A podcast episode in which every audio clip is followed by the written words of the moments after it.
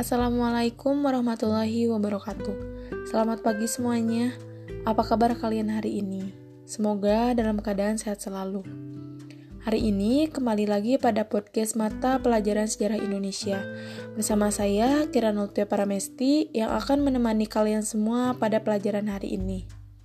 Pada podcast kali ini, kita akan membahas juga mengulas sedikit materi kelas 11, materi tentang mengevaluasi penjajahan pemerintahan Hindia Belanda.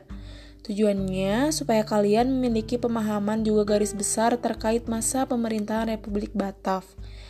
Nah, untuk mempersingkat waktu, kita langsung mulai saja. Pada tahun 1755 terjadi perubahan di Belanda muncullah kelompok yang menamakan dirinya kaum patriot. Kaum ini terpengaruh oleh semboyan revolusi Prancis, di mana ide dan pahamnya yang digelorakan dalam revolusi Prancis itu, maka kaum patriot menghendaki perlunya negara kesatuan.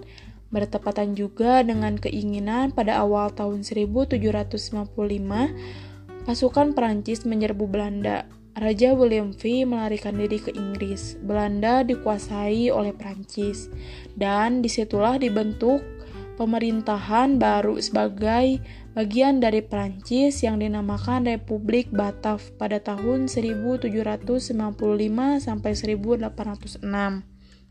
Sebagai pemimpin Republik Batav adalah Louis Napoleon, saudara dari Napoleon Bonaparte Sementara itu, dalam pengangsingan Raja William V oleh pemerintah Inggris ditempatkan di kota Kew.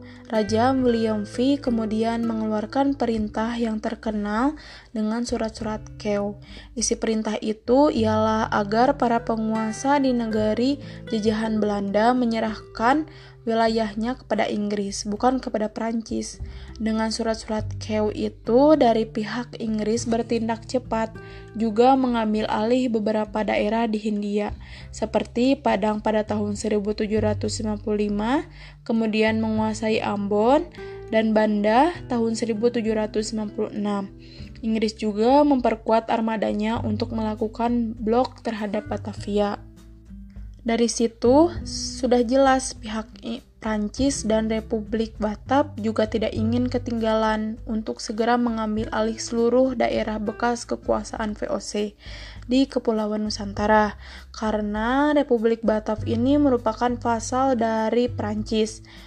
Maka kebijakan-kebijakan Republik Batav untuk mengatur pemerintahan di Hindia masih juga terpengaruh oleh Prancis. Kemudian, yang utama bagi Perancis ialah waktu itu memerangi Inggris, maka dari itu juga untuk mempertahankan kepulauan Nusantara dari serangan Inggris diperlukannya pemimpin yang kuat. Ditujuklah seorang muda dari kaum patriot untuk memimpin Hindia, yakni Herman William Dylan. Ia dikenal sebagai tokoh muda yang revolusioner. Daendels adalah kaum patriot dari liberal uh, dari Belanda yang sangat dipengaruhi oleh ajaran revolusi Prancis. Di dalam berbagai pidatonya, Daendels tidak lupa mengutip semboyan revolusi Prancis. Daendels ingin menanamkan jiwa kemerdekaan, persamaan, dan persaudaraan di lingkungan masyarakat Hindia. Oleh karena itu juga, ia ingin memberantas praktik-praktik feodalisme Hal ini dimaksudkan agar masyarakat lebih dinamis dan produktif untuk kepentingan negeri induk atau Republik Batav. Langkah ini juga untuk mencegah penyalahgunaan kekuasaan dan sekaligus membatasi hak-hak para bupati untuk terkait dengan penguasaan atas tanah dan penggunaan tenaga rakyat dalam rangka mengemban tugas sebagai gubernur jenderal dan memenuhi pesan dari pemerintah induk. Daindels melakukan beberapa tingkah strategis terutama menyangkut bidang pertahanan, keamanan, administrasi pemerintahan, dan sosial ekonomi. Itu tadi ya, materi yang sudah dijelaskan tentang pemahaman terkait masa pemerintahan Republik Batav. Kesimpulannya adalah salah satu yang menyebabkan berdirinya Republik Batav adalah Raja William V yang melarikan diri ke Inggris, di mana Raja William meninggalkan kekuasaannya sehingga Prancis bisa menguasai Belanda dengan mudah. Juga bukan itu saja, untuk mempertahankan kepulauan Nusantara pun, dari serangan Inggris juga diperlukan pemimpin yang kuat. Ditunjuklah seorang muda dari kaum patriot untuk memimpin Hindia, yaitu Herman William Dainlis. Demikianlah materi pada podcast kali ini. Semoga podcast ini bermanfaat juga memberikan kalian pemahaman mengenai apa itu pemahaman, apa itu makna yang harus kita ambil terkait masa pemerintahan Republik Batav.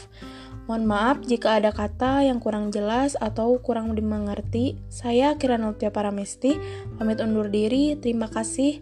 Wassalamualaikum warahmatullahi wabarakatuh.